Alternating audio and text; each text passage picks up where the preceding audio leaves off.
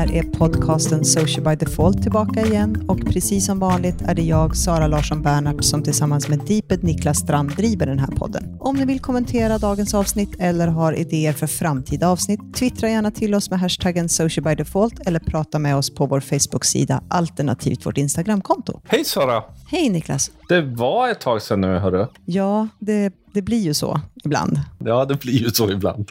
Ambitionen finns där, men tiden räcker kanske inte alltid till. Mm. Det är redan slutet av oktober. Ja. Det är väl en del av våra nya liv som Social by Default. Ja, vi har mycket att göra båda två. Och podden är ju någonstans ett hjärtebarn. Och vi har ju lovat varandra att den aldrig får kännas forcerad. Nej. Vi ska ju spela in när vi tycker det är kul. Och Eh, då får det ju bli så ibland att vi kanske missar en vecka eller känner att den här veckan så får vi researcha eller fundera lite och så får vi spela in en vecka senare. Ja, men den startade ju som en förlängning av våra samtal. Mm. Dels kanske vi egentligen har pratat klart innan vi ens har kommit till podden. Och det kanske ibland inte finns någonting. Det, det är väldigt mycket vardag. Och vi liksom, det vi pratar om är egentligen sådana saker som ska lösas, inte alltid de där strategiskt intressanta sakerna som man kan diskutera mycket om. Liksom. Nej. Och sen var det ju faktiskt så att när vi startade podden, då var det ju fortfarande så att sociala medier var, jag ska inte säga ganska nytt, men jo, det var ganska nytt. Jag menar, det är ändå fem år sedan mm. som vi har hållit på. Det finns ju massa plattformar, eller massa, det finns ett par plattformar som har kommit till som inte ens fanns när vi startade.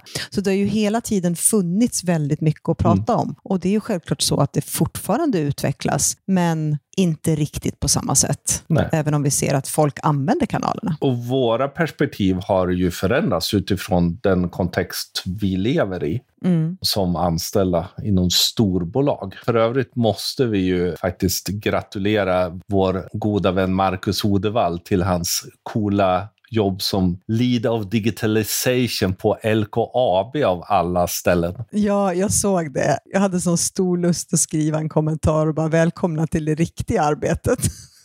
Vi pratade om det, han och jag, och han sa ja men nu har ju både Sara och du gått till storbolag, så det är väl där man ska vara. Ett stort grattis, jättekul. Det har varit tufft med corona för vissa av oss, och framförallt bor man där uppe så är det ju, finns det ju inte hur många jobb som helst. Nej, Jättekul. Otroligt roligt. Men, men eh, så är det, och nu har vi förklarat varför vi inte kom ut med någonting förra veckan som är liksom enligt någon sorts önskeschema. Mm. Men, men det, det hände lite saker. Det kom nya siffror just där att det ändå fortfarande utvecklas. Mm. Som ändå är ganska intressanta. För det är första gången som mer än hälften av jordens befolkning använder sociala medier. Ja, det är rätt coolt. Samtidigt som en väldigt stor del av jordens befolkning har suttit inomhus under en stor del av den här perioden som man nu mäter. Ja, men säkert är det. För det här är då Via Socials oktobersiffror. Och globalt är ju svårhanterligt. Svenskarna och internet kommer i november har de, har mm. de flaggat för. Och den är ju intressant. Men ändå så blir det så här,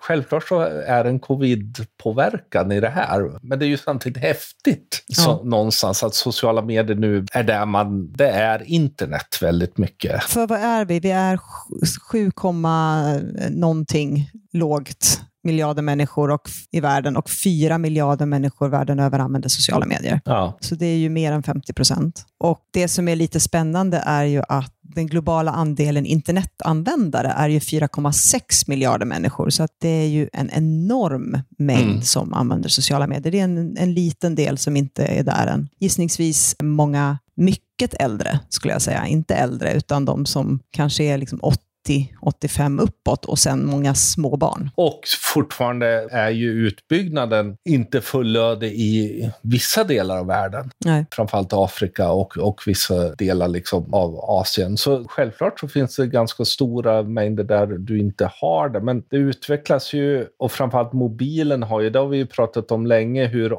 Afrika hoppade över datorn och gick rakt mm. in på mobilen. Och det visar ju också dem att 99 procent av av de som använder sociala medier använder på mobilen. Det börjar bli lite sådär att det, det finns ingen anledning längre att säga ja, nej, men våra kunder använder det ju på, på datorn så vi ska göra det som i någon sorts liksom, format som inte fungerar på en mobil. Det finns inte längre. Nej, verkligen inte. Och det, jag hade faktiskt en diskussion med en arbetskamrat till mig idag där vi pratade om just det här nya interfacet för Facebook på desktop. Och så frågade jag henne, har du fått det? Och hon bara, det, det vet jag inte. Jag är väl aldrig inne på Facebook på datorn. Nej. Och nu sitter du och jag och jobbar med det, så det blir ju liksom en annan sak. Men just det här att hon hade inte ens loggat in. Hon visste inte ens om att det fanns ett nytt gränssnitt, Nej. för att hon ser bara mobilanvändandet. Egentligen två saker. Jag hade samma när vi diskuterade runt då en kampanj, där vi tittade på plattformarna där då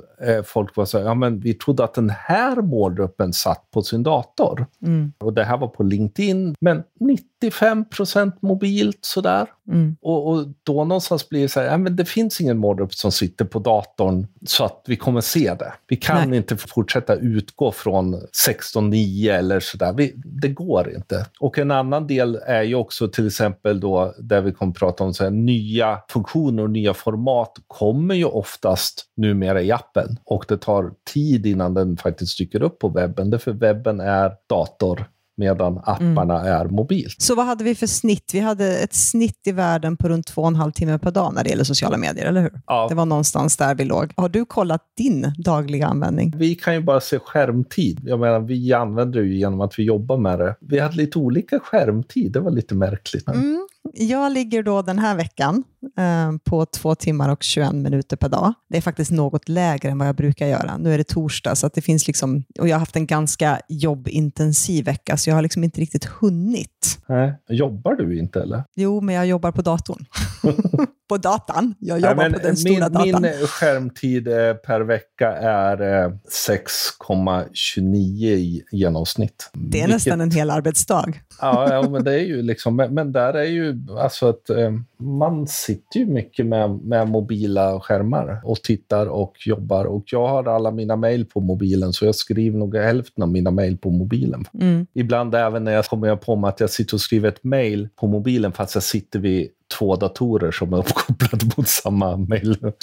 För mig är det vanan tror jag. Sen har jag inte kollat min jobbtelefon. Där sitter jag och svarar på en del eh, inkommande på Instagram och ja. sånt också. Så att eh, jag får ju lägga på det. Men ja. två timmar och 21 minuter hittills den här veckan, det kommer nog öka när det är liksom fredag kväll, lördag, ja. söndag, kan visa. Och det här är ju skärmtid. Jag gör ju nästan all min bildredigering, allting på, på iOS. Det tar ju också tid. Ja, li, lite högt var det kanske. Socialt har jag 15 timmar och 28 minuter den här veckan. Facebook är fortfarande störst. Och inte så konstigt egentligen. Det kommer ju ta tid innan den, spring, den springs om, om den springer om. Och då skulle jag nog säga att Eh, skulle det vara WeChat i Kina om de lyckades fånga upp den här halva miljarden människor som fortfarande inte är online där? Ja, alltså det där är väl nog snarare diskussion om nästa miljard som mm. är det, alltså som vi för flera år sedan hade ett avsnitt där vi diskuterade. Där fighten kommer inte handla om oss som redan är där, Nej. utan fighten kommer framförallt handla om de som ännu inte är där. Mm. Och, och där, ja, kanske WeChat, saker som om TikTok och nya saker självklart förändrar eh, balansen. TikTok är fjärde störst. Mm. Men då räknar de, räknar de hela TikTok då, eller räknar de TikTok och räknar bort den kinesiska TikTok? Det är bara TikTok. Därför Douyin då, som är det kinesiska, ligger på ungefär 89 miljoner färre än TikTok. Så mm. TikTok har 689 miljoner användare och Douyin har 600. Vilket ju är mm. bisarrt, för det, det är liksom Kina, vad är de, en miljard ungefär och mer än hälften använder då en TikTok. Mm. Jag kan väl varje gång jag får det här alltid le det här att nu kommer den nya Facebook-dödaren och Facebook håller på att dö och allt det där man har hört genom åren. Det har ju inte riktigt varit så. Nej, men det är ju svårt att flytta stora mängder människor och jag tror ju att Facebook kommer inte dö än på länge. Sen kommer ju engagemanget flyttas över och det har vi ju sett också att det flyttas ju över och sprids ut mellan fler kanaler så målet finns ju inte där på samma sätt. Även om vi fortfarande är där och vi tillbringar stor tid där så investerar vi ju de här då två och en halv timmarna per dag i sociala kanaler utspritt över en hel del kanaler. Men det intressanta sen då är ju att på delad andra plats med YouTube mm. ligger WhatsApp som ägs av Facebook. Sen ja. kommer tredje plats kommer Facebook Messenger mm. som ägs av Facebook och sen på femte plats kommer Instagram. Så Facebook är liksom topp fem hela deras sfär. Det här är intressant. Det ska bli väldigt intressant att se de svenska siffrorna, vad som har hänt. Ja, eh, där skulle Sverige. jag nog säga att både Snapchat, jo, nu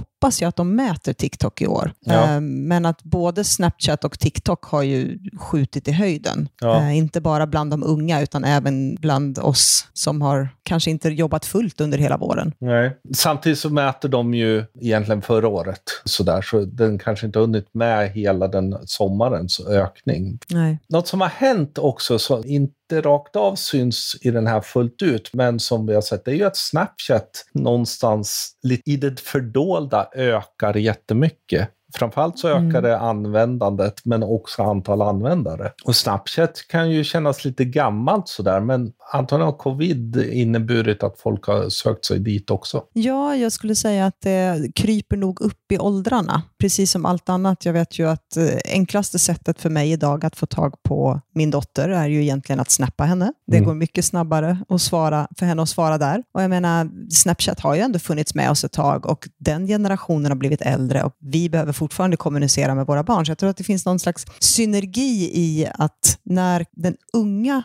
crowden i kanalen som har använt den ett tag växer och blir äldre så följer föräldrarna med någonstans. Och då ja. ökar ju också användandet. Och samtidigt kan jag se en skillnad nu i och med att jag har ju inte barn jag bor med, jag har ju inte barn jag behöver ha tag på. De sköter sig ju själva, de är ju vuxna. Vilket mm. innebär att jag har inte det behovet och därmed behöver jag inte använda vare sig TikTok eller Snapchat, även om jag vet att min dotter använder båda jättemycket. I idag är vår helt enkelt relation sådär att det räcker med att använda iMessage och mm.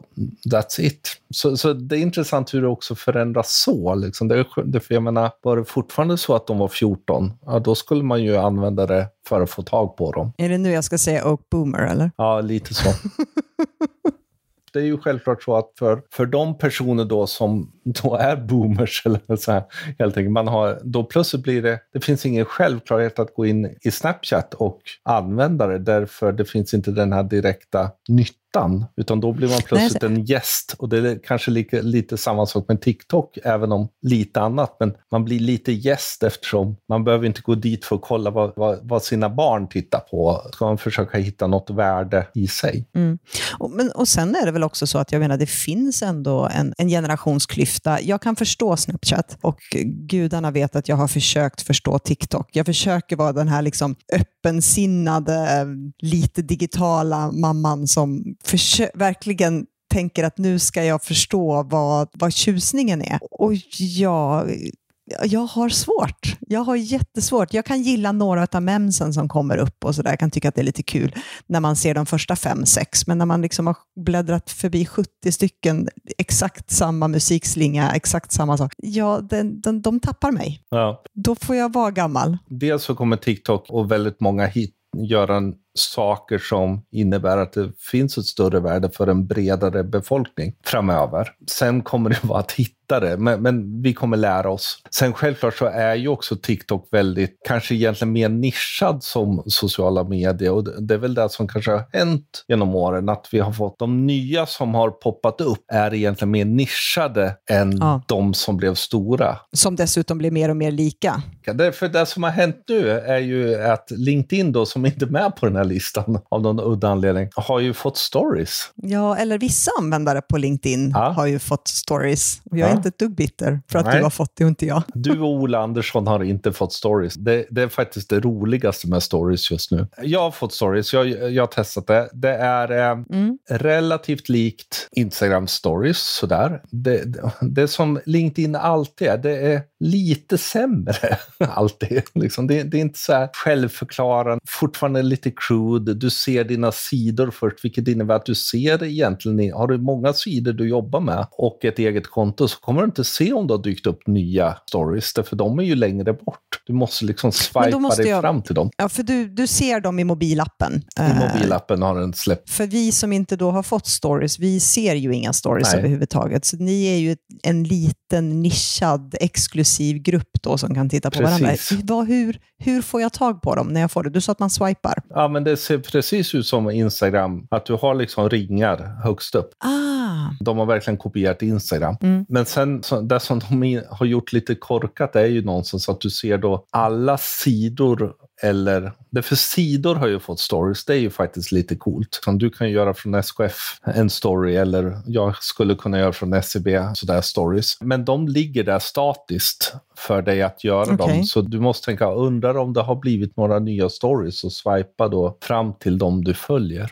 Själva användningen är ungefär som vanligt. Antingen lägger du upp en bild eller så gör du en film, 15 sekunder. finns lite så här stickers och lite sådana saker, men fortfarande ganska outvecklat skulle jag vilja påstå. När du säger 15 sekunder, är det så att du kan hålla kvar då som liksom både Snapchat och Instagram stories utvecklades prövat. till? Jag, Eller är det så att det kapar efter 15 det. sekunder? Jag tror att det kapar. Eh, jag har faktiskt inte prövat. För de jag gjorde var jag så duktig så jag lyckades, liksom, jag höll koll på eh, ringen när jag pratade. Mm. Men jag tror att det kapas, för jag har sett några riktigt dåliga exempel där det har liksom blivit så här, och så sen, De ligger Men, lite efter med andra ord. Nu ska jag vara lite sådär bitsk. Det, kom, det kommer vara ett eh, lidande från början tror jag, med alla LinkedIn-experter som nu ska förklara hur, hur man använder stories och coacher som kommer på att Åh, det här stories, det kan man ju säga fina saker i. Men jag tror att efterhand så är, finns det ändå ett, ett existensberättigande för stories för att skapa ändå den mer, en lite mer personlig touch, en lite mer realtidstouch av LinkedIn mm. än vi kanske har. Eftersom LinkedIns algoritm så väldigt mycket trycker upp det som diskuteras snarare än det som är nytt. Så, mm. så blir det ofta så att det är ofta ganska gamla saker man, man har i sitt flöde därför att det är där saker diskuteras. Medan det här som händer nu eller som är bara en snabb tanke eller en mer personlig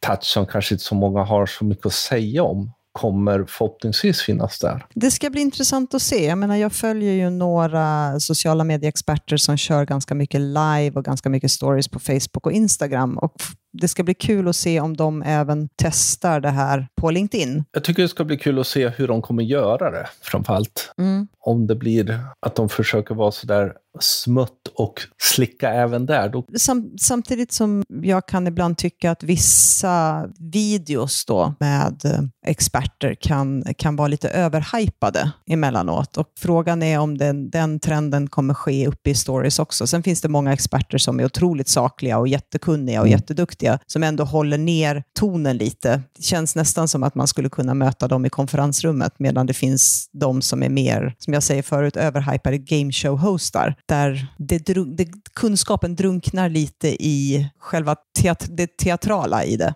Då, då är jag snäll. En sak som är intressant med det är ju också kanske att Doris kan bli en möjlighet för anställda att vara lite mer ambassadörer utan att behöva göra avancerade postningar eller göra sådana saker. För på så sätt ibland lyfta sitt eget varumärke eller lyfta då sitt arbetsvarumärke. Nej, men, och det kan jag definitivt hålla med om, för det finns de som tycker det är läskigt att skriva. Mm. Som, som har svårt att få pennan att flyta eller ordet att flyta. För de som fortfarande besitter en bra kunskap och som kanske har lättare att prata skulle ju stories i så fall bli ett, ett fantastiskt verktyg för att bygga den expertisen. Och samtidigt så tror jag att det kommer bli eh, lite ont i magen för vissa företag. För det är också lättare att kanske slira på vad man får säga eller var mm. man får filma eller vad man, vad man får göra i ett sådant på en sådan eh, plattform eller i en sådan funktion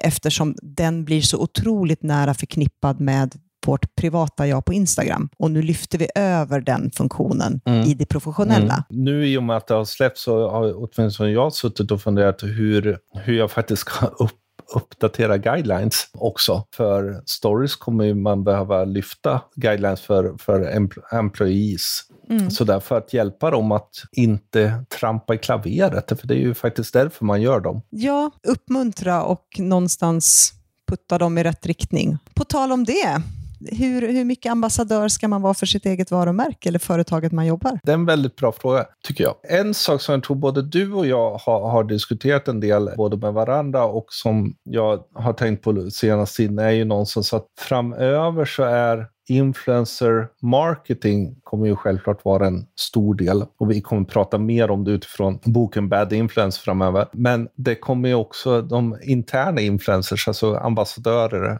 anställda, kommer ju bli ännu mer viktiga i det här. Och då är ju frågan mm. hur mycket, ja, hur mycket kan man vara ambassadör utan att bli det för mycket. Vad tänker du? Jag, jag tror definitivt att det kan bli för mycket. Det är ju en skillnad när man, när man som du och jag har gått från att vara konsulter och jobba med väldigt många företag samtidigt, där man kanske som konsult bygger sitt expertvarumärke för att kunna få mer försäljning på ett sätt som man inte gör när man är anställd, för man behöver inte göra det som anställd. Då bygger man ju mycket hellre sitt företags varumärke. Så eh, är det ju lätt att man kanske börjar dela för mycket när man är anställd. Att man, blir så, man har så mycket hjärta i företaget där man jobbar att det går liksom av bara farten. Det är inte bara algoritmerna som triggar igång det, utan det är även liksom passionen för det man gör, eller det de anställda gör, eller det som företaget gör. Men hur tänker du i det här? Jag, eh, jag har det nog ganska, jag ska inte säga enkelt, men eftersom vi är ett företag som jobbar med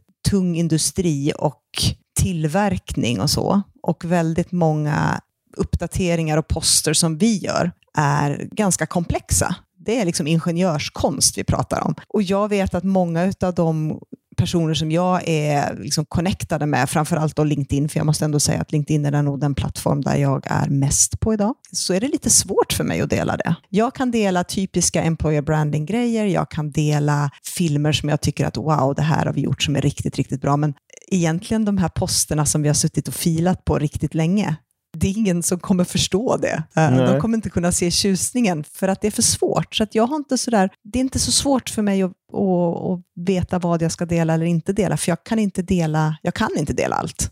Men, men vad, vad skulle hända om du delade de svåra, tror du? Jag tror att folk skulle scrolla förbi faktiskt. Inte mina kollegor och arbetskamrater som jobbar på, på SKF såklart, för jag har ju en hel del kontakter där också. Men de, det kontaktnät jag byggde upp innan jag började, som jobbar med digital marknadsföring, som jobbar med sociala medier, som jobbar med kommunikation, alltså de kanske skulle kunna se bilden eller filmen eller sådär, men de skulle nog tycka att innehållet är ganska svårt att ta till sig. Ja, det är lite det jag kan känna. Nu, nu har ju inte vi fullt, fullt så komplexa saker som stora bearings för havet och sådana saker. Som, det, det blir så påtagligt att det blir lite så här, mm nu gör jag någonting för att få en, få en pinne i, i den interna fighten. Men, men vi har ju självklart saker där, där jag kom på mig själv här för ett tag sedan att jag tänkte dela någonting som jag tyckte var bra. Men, men jag kom på att men vänta, det här är fjärde i raken sak jag delar från oss. Jag har inte gjort något eget eh, förutom captions till det jag delar. Och kände att hur skulle jag tänka om någon av mina bekanta som jag hade följt länge och framförallt har så att säga, det varumärke som både du och jag har personligen. Hur, hur skulle jag uppleva det? Så jag lät bli rädd för att bli sedd som någon som, som liksom totalt bara har blivit köpt och en reklampelare för företaget. Så det där tycker mm. jag är svårt och jag tycker det är svårt därmed också när man säger, pratar så mycket om employer branding och ni, ni ska vara på sociala medier. Att hur hittar man den där ändå trovärdighet? Mm. Alltså, jag tror ju att varje plattform löser delar av det faktiskt beroende på vad du jobbar med eller vilket företag. Sen tror jag kanske att man överanalyserar själv. För jag menar, om du nu delar fyra saker på raken så är det ju inte säkert att dina kontakter upplever det som att du har delat fyra saker på raken. Om det inte är så att du har delat liksom en sak i timmen fyra gånger på raken. Så att det sprids ju ut och om de inte känner igen det för att det är så otypiskt dig, mm. så kommer de ju scrolla förbi det. Så jag tror att man, man hamnar kanske lite grann i samma läge som man gör som företag ibland när man tänker, gud vi kan inte posta så mycket för att då kommer vi tjata ut våra följare. Det blandas ju upp Mm. Men jag, jag förstår känslan. Samtidigt så tror jag att lite som jag ändå pratar med dem som jag hjälper med att alltså bygga ett personligt varumärke som anställd. Att, att någonstans inte tappa bort sig själv mitt i alltihopa det där. Nej, och det förstår man, men samtidigt så får man inte ta bort passionen. För jag menar, Nej. är man passionerad med, om sitt företag så är det ju självklart att man ska få lov att kunna dela det som företaget gör. Det jag försöker säga till de som vi utbildar internt är ju, inom vad vill du bygga din expertkunskap? Mm. Då ska du dela det som stärker din expertkunskap, som stärker det område som du har valt att du vill vara en expert i. I det här fallet, vi jobbar ju med enormt många olika industrier. Om man verkar inom en industri och känner att man vill vara expert för, inom den industrin, då är det ju den typen av innehåll som man ska dela, även om det är företaget som skapar innehåll med, inom det ämnet, då ska du inte dela allt. Sen kan du självklart blanda upp det, men du behöver ha din din strategi för vilka är det jag är connectad med? Vad kan de tycka är intressant? Och vad är det för expertkunskap jag vill framhäva eller jag kan framhäva eller jag vill bygga? Då är det ju inom den nischen som jag ska dela det mesta. Ja, men det är faktiskt riktigt bra att uh, lyfta så. så det, det, är ju lite som den där gamla sägningen liksom att don't be stupid, write about something you know about, make it interesting. Som är mm. liksom fortfarande världens bästa guideline för, för uh, anställda. Ja, men, eh, men jag, ty jag tycker det är svårt och jag tror det blir svårare ju mer vi vi trycker på det som eh, sociala medieansvariga. För, därför vi ser mm. att det organiska går ner, vi köper mer, men samtidigt så behöver vi då få... Båda de liksom skapar ju inte den här relationen som faktiskt personer gör. Och då försöker vi få dem att dela så mycket som möjligt. Och vad finns baksidan? Jag tror att om saker och ting blir automatiserat, som vi har pratat om tidigare med, med vissa plattformar som någonstans serverar alla mm. inlägg, då kan det gå för fort. Det jag försöker säga är ju att lajka gärna allt. Dela det du verkligen känner att det här är mm. intressant för mina kontakter. Mm. Kommentera eller pinga in de gånger du vet att ja, men det här är någon annan jag känner som mm. borde vara intresserad av det här. För all interaktion är ju bra interaktion. Mm. Sen kan de ha olika värde. All thumbs up count, brukar jag säga. Nej, men och det där är en sån viktig del i det som gör att man kanske inte alltid heller behöver dela. Det för som du var inne på, ja men lajka saker, det innebär att man hjälper upp med viral lift. Men just som du säger, pinga in någon, ja men då kan det vara någon i företaget som man tycker borde se det eller kanske någon kund man faktiskt har kontakt med. Pinga in att har du sett det här, Kalle? Eh, det var det här mm. vi pratade om. Nu får man ju inte säga så för oss då, men om man kan göra det. Alltså att någonstans liksom kunna använda det på så sätt. Använda de engagemangs, interaktionsdelar som, som finns och inte bara stirra sig blind på delandet. Det är spännande och det är jag kanske ska gå och titta tillbaka och titta på vad jag har delat de senaste gångerna. Jag har inte tänkt på det så mycket. Och säkert som du säger, jag, jag är nog lite överkänslig och fortfarande kanske lite protektiv över mitt personliga varumärke. Men det var mer så att jag verkligen fastnade och tänkte att men har jag delat för mycket nu? Har jag blivit en sån där som jag själv kanske tycker är lite löjlig? Det som jag tycker är svårare, måste jag ändå säga, är ju det här som vi alltid är så noga med att göra när vi pratar till företag, även innan vi började, i det här att det måste finnas ett värde och nytta för mottagaren. Mm. Och jag kan uppleva att framförallt LinkedIn har blivit väldigt, väldigt skrytsam. Mm. Och där har jag svårt att hitta balansen när jag ska dela. Vad ska jag skriva som gör att det inte låter som en skrytpost, utan mm. att jag faktiskt försöker väva in någonting som kan ge kunskap eller nytta eller värde för den som ser den i sitt flöde. Där mm. har jag svårt. Jag får skriva om flera gånger innan jag känner att ja, men nu låter det inte som jag skryter. Jag förstår precis vad du menar, men jag tycker du var inne någonstans när du pratade om passion. Alltså att man måste också faktiskt, om man faktiskt känner passion och känner mycket för sitt varumärke att få visa det. Och där tror jag, alltså stolthet är inte att mm. skryta. Stolthet Nej. är att vara stolt och passionerad. Och, och, där tror jag att, och där tänker jag ofta att ja, men det är ju för att jag är stolt jag delar. Att vi är stolt över att jobba mm. där, att vi är där vi är. Alltså, det blir ju lite som de här olika innehållsteman som vi oftast pratar om. Att man ska ha liksom varumärkesbyggande, du ska gärna ha opinionsbildande, du ska ha kunskapsbyggande, du ska ha lite lättsamt. Det här som vi har pratat pratat med företag eh, länge om. Och det blir ju lite samma sak. Jag menar, de varumärkesbyggande är ju lite inifrån och ut. Mm. Och då är ju det de här liksom stolthetsposterna. Mm. Men blandar man då upp det tillsammans med kanske en kunskapsdel eller en, en opinionsdel, eller, då hittar man ju balansen där också. Så jag tror att man behöver tänka lite på samma sätt. Ja, väldigt bra tänkt,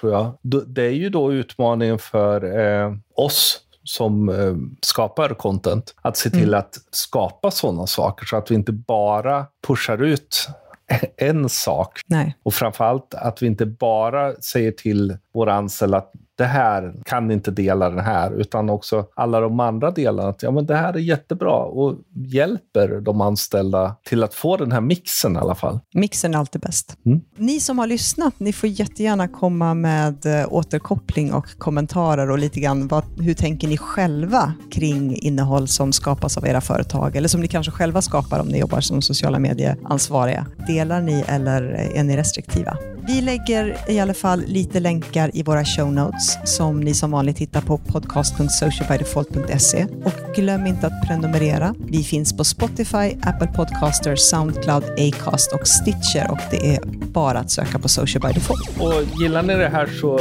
ge oss jättegärna betyg på Apple Podcast. Jätteroligt att se. Vi gör det här på fritid för att vi älskar att göra det här. Prata gärna med oss om det här ämnet. Hashtaggen är Social by Default. Vi finns på Instagram, vi finns på Facebook, vi finns på Twitter. Finns många merstans. Vi finns ännu inte på TikTok som Social by Default, är bara att söka efter oss. Och vill man prata med oss eh, personligen så heter jag Deeped överallt. Och jag heter Sanasi LB överallt. Tack för oss. Hej då. Hej då.